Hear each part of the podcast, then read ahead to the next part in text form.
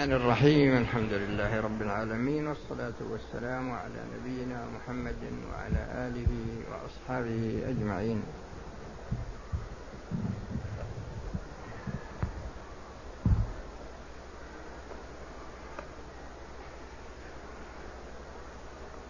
آه، الفرق الخامس بين قاعدتي الشرط والاستثناء صفحة مئة وثمانية.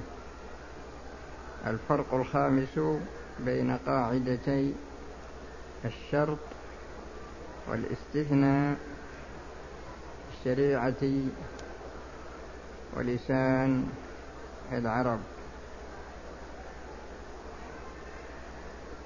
المقصود من هذا الشرط هو الشرط الشرعي لأن الشرط يكون عقليا ويكون عاديا ويكون لغويا ويكون شرعيا يعني ينقسم إلى هذه الأقسام الأربعة.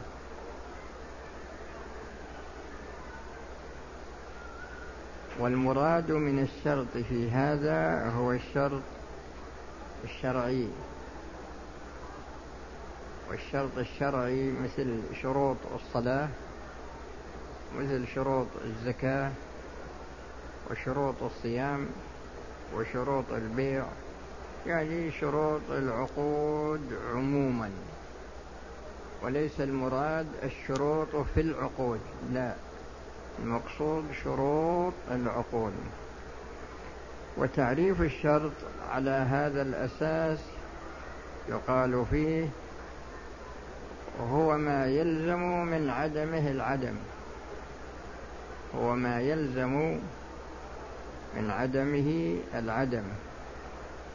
ولا يلزم من وجوده وجود ولا عدم.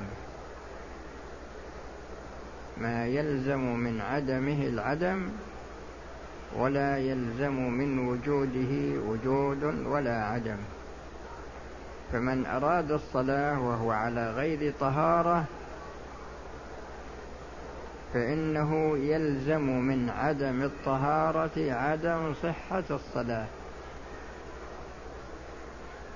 لكن لو توضأ وهو الشرط لا يلزم بأن يقال له لا بد أن تصلي ما دمت توضأت فلا بد أن تصلي. فهو يلزم من عدمه العدم ولا يلزم من وجوده وجود ولا عدم لذاته. هذا هو الشرط المراد هنا. أما الاستثناء الاستثناء المقصود منه أسلوب موجود في القرآن وموجود في السنة وموجود في لغة العرب لكن المقصود هنا هو الاستثناء المتصل لأن فيه استثناء منقطع وفيه استثناء متصل. إذا كان ما بعد أداة الاستثناء من جنس ما قبلها فهذا يكون متصلا كما في قوله تعالى فلبث فيهم ألف سنة إلا خمسين عاما. فخمسون عاما من جنس آه، السنين التي قبل أداة الاستثناء. هذا هو الاستثناء المراد هنا. هو يريد أن يفرق بين قاعدة الشرط بالمعنى الذي سمعتموه وقاعدة الاستثناء بالمعنى الذي سمعتموه يعني هما قاعدتان قاعدة الشرط الشرعي وقاعدة الاستثناء. وذكر هنا فروق ذكر هنا فروق. الفرق الأول أن الشرط يجوز فيه خروج المشروط بكليته. ومثال ذلك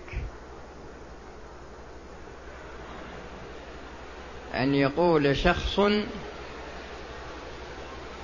وعنده أربع نساء. يقول نسائي طوالق إن دخلنا الدار. فلا تدخل واحدة منهن. ما تدخل واحدة منهن وبناء على ذلك فإن الطلاق لا يقع. فهنا شرط ومشروط.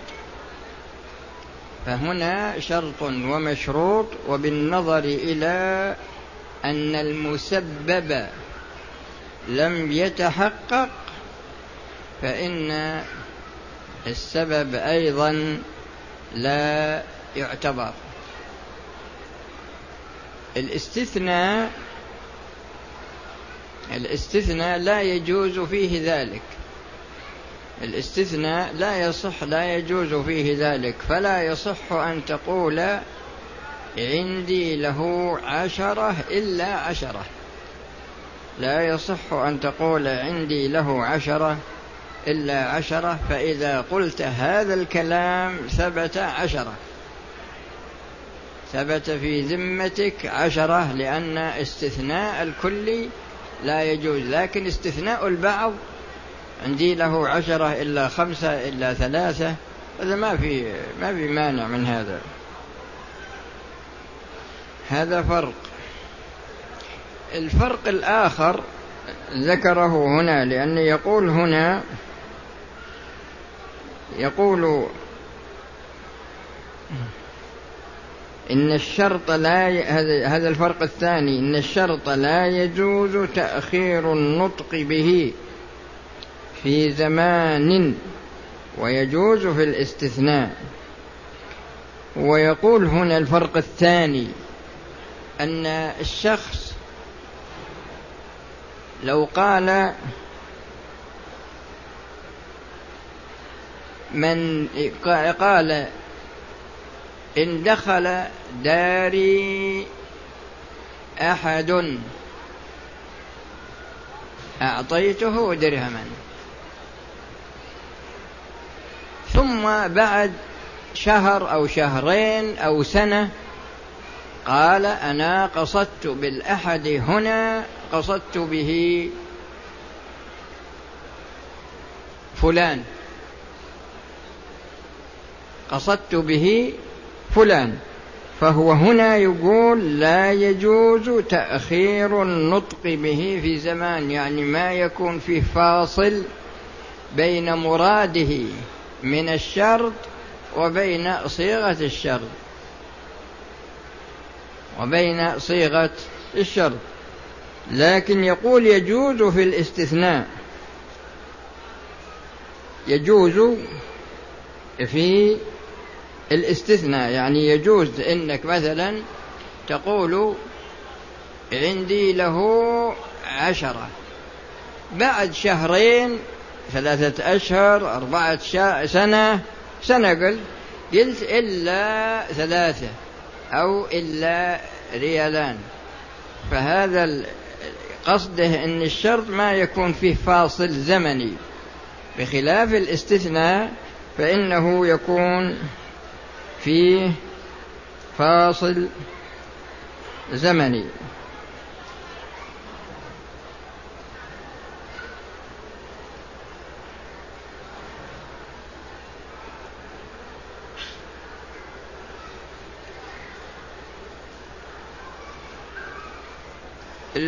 الشرط قد يكون مثلا في عقبه جمل متعاطفة.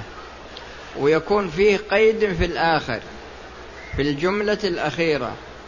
هل هذا القيد يرجع إلى جميع الجمل أو يرجع إلى الجملة الأخيرة؟ هو هنا يقول إن الشرط والإستثناء يعم جميع يقول فقد باين الشرط الاستثناء في هذه الأحكام ويعم جميع الجمل المنطوق بها بخلاف الاستثناء. فإذا قال شخص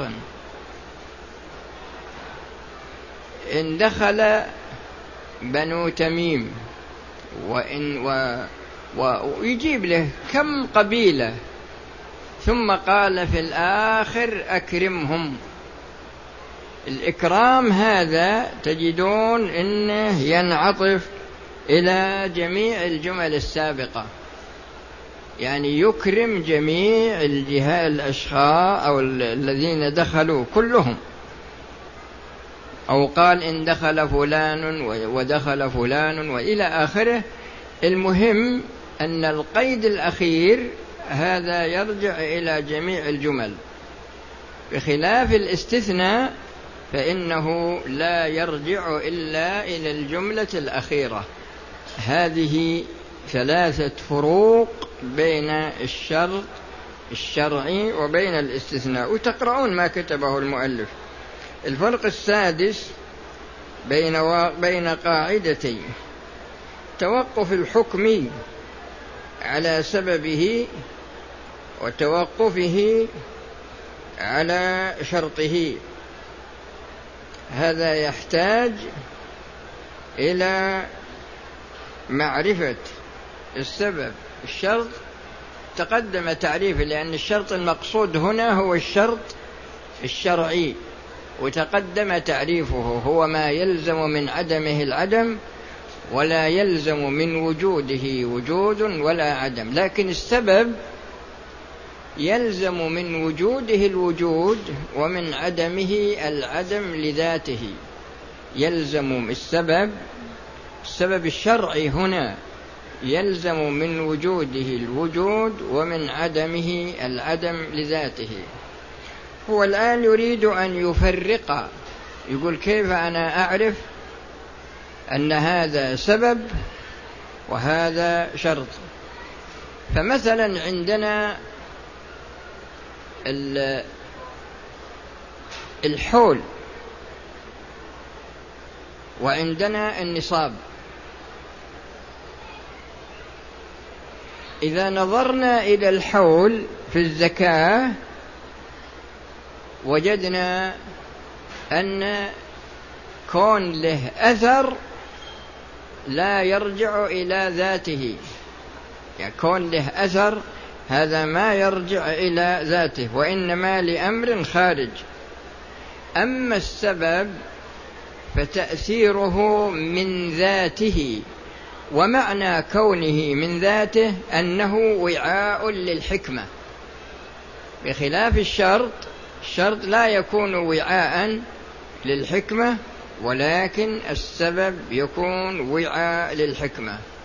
فإذا نظرنا إلى اشتراط الحول وجدنا أن الشرط هنا لا يعني ما في ما يشتمل على حكمة.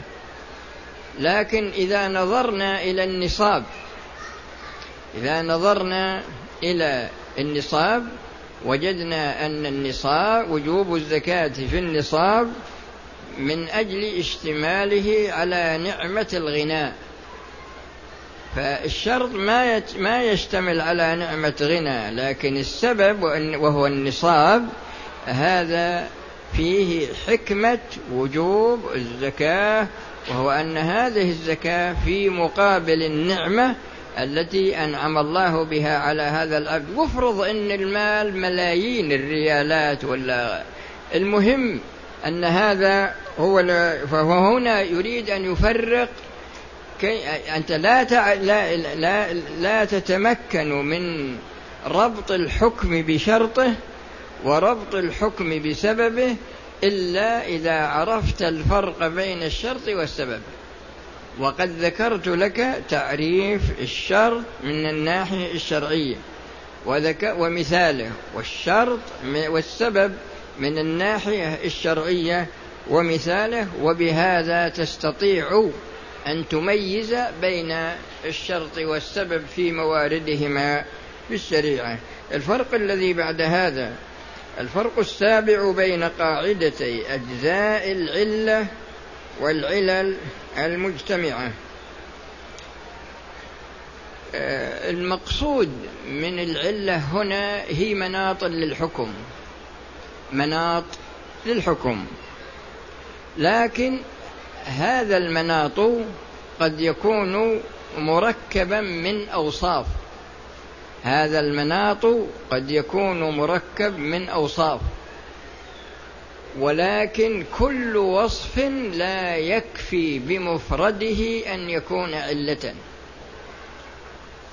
مثل القتل هذا العمد العدوان.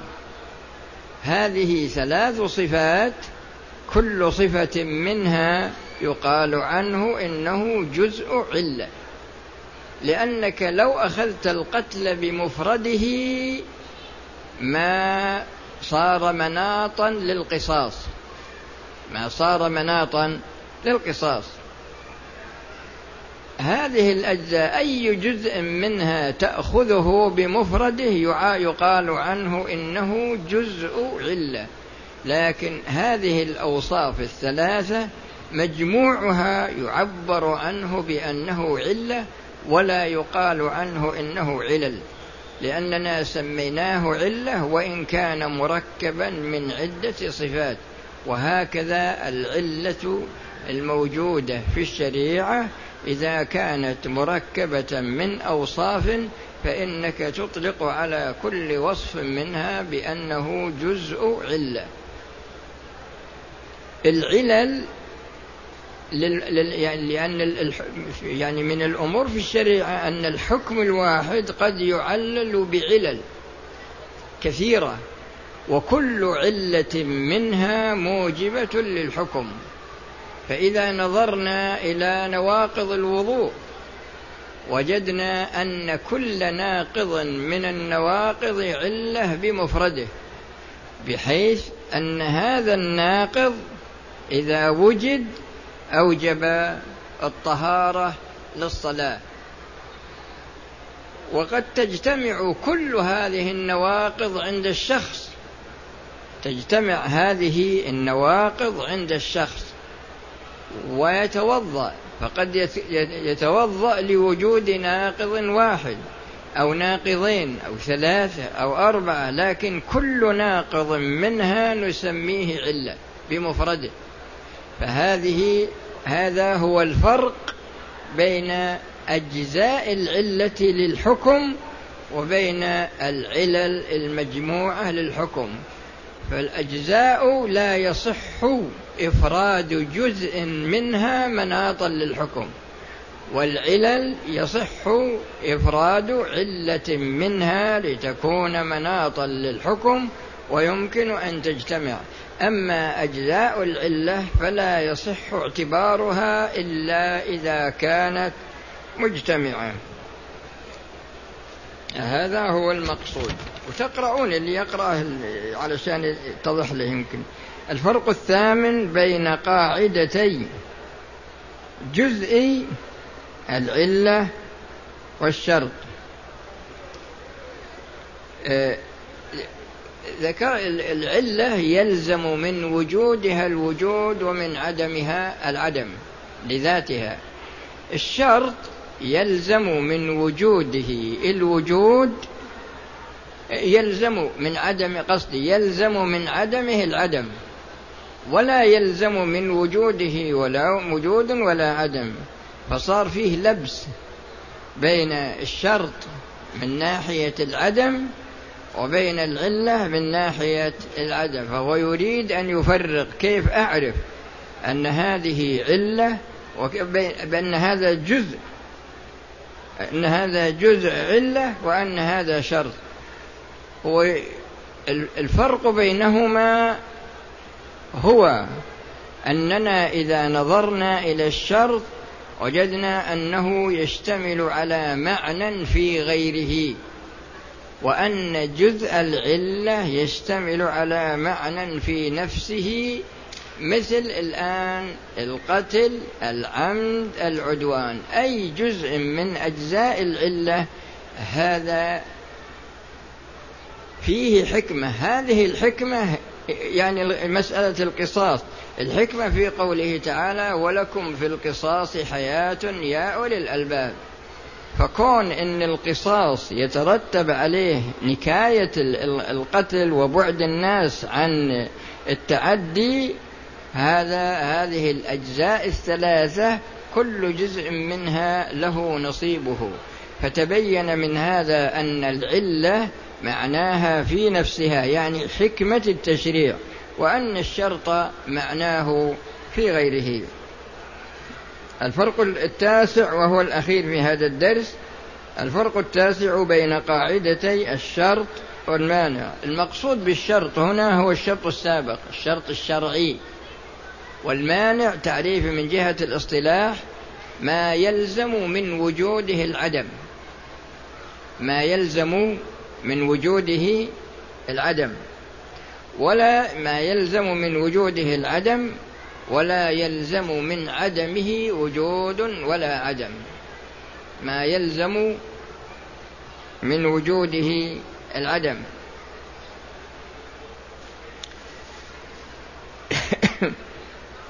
الآن إذا نظرنا إلى الشرط إذا إلى الشرط. وجدنا أنه يلزم من عدمه العدم ولا يلزم من وجوده وجود ولا عدم. لكن المانع المانع يلزم من وجوده العدم ولا يلزم من عدمه وجود ولا عدم لذاته. فمثلا الحيض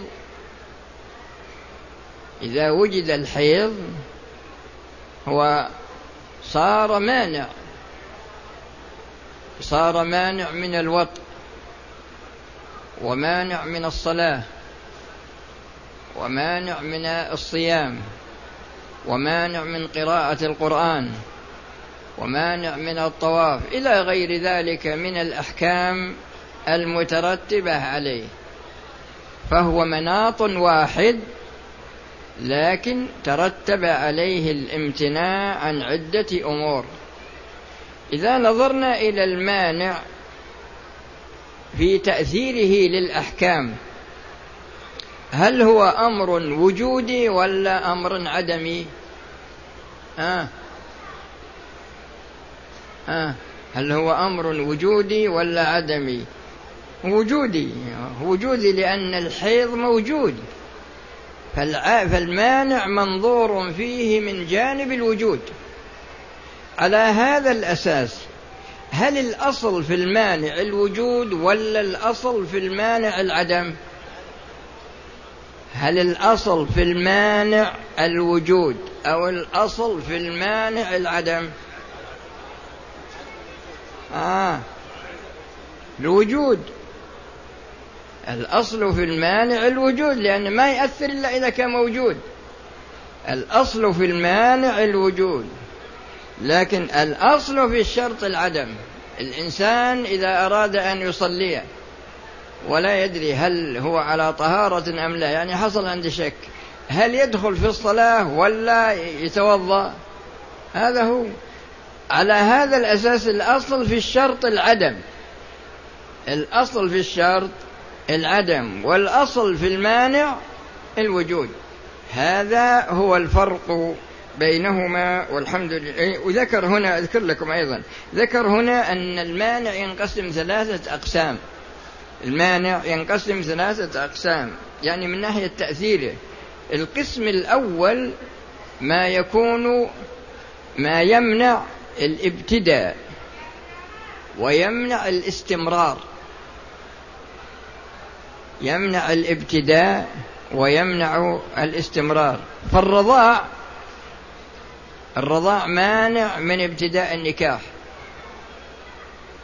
يعني امرأة أرضعت بنت لا يجوز لابن هذه المرأة أن يتزوج هذه البنت.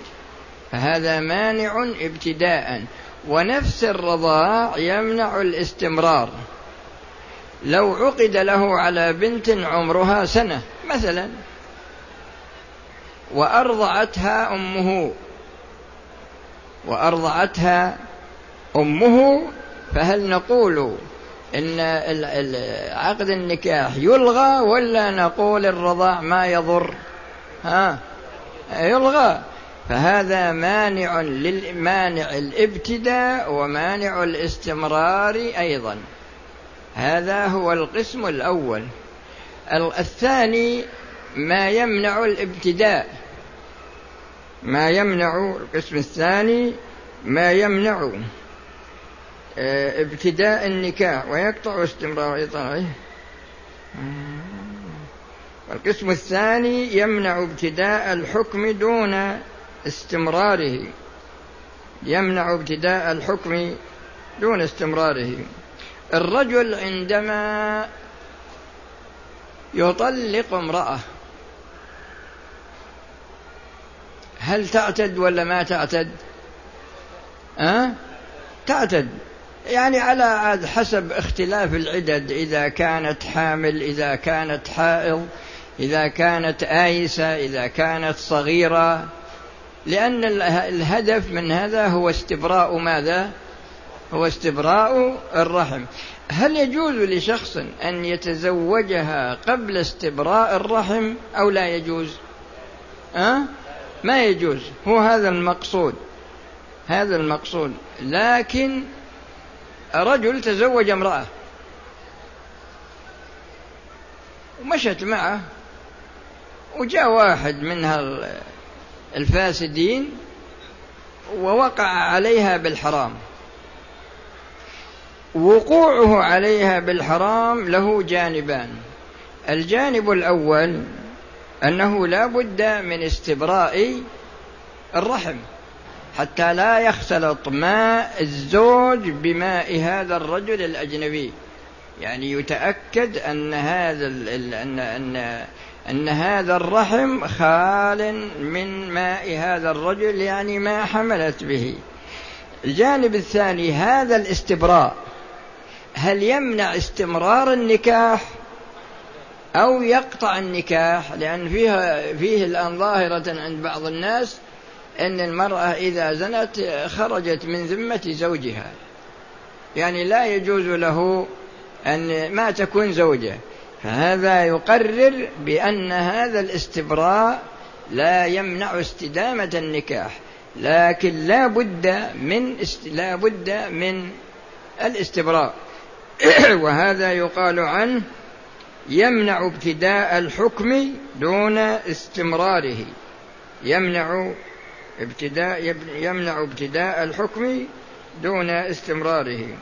والثالث يقول إنه مختلف فيه يعني هل يلحق بالأول ولا ما يلحق به؟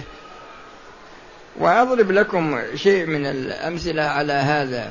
الشخص عندما يكون في البر وعنده ماء ماذا يفعل إذا أراد أن يصلي؟ ها؟ عنده ماء في سيارته. ماذا يفعل؟ أه؟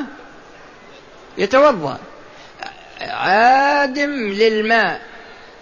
ماذا يفعل؟ يتيمم. صلى بتيممه حتى انتهت الصلاة. النوع الأول من الفروع ما هو معنى هنا. النوع الثاني من الفروع ما هو معنى اللي معنى النوع الثالث. النوع الثالث تيمم. فلما صلى ركعة من الصلاة أنزل الله عليه مطرا من السماء. فماذا يعمل؟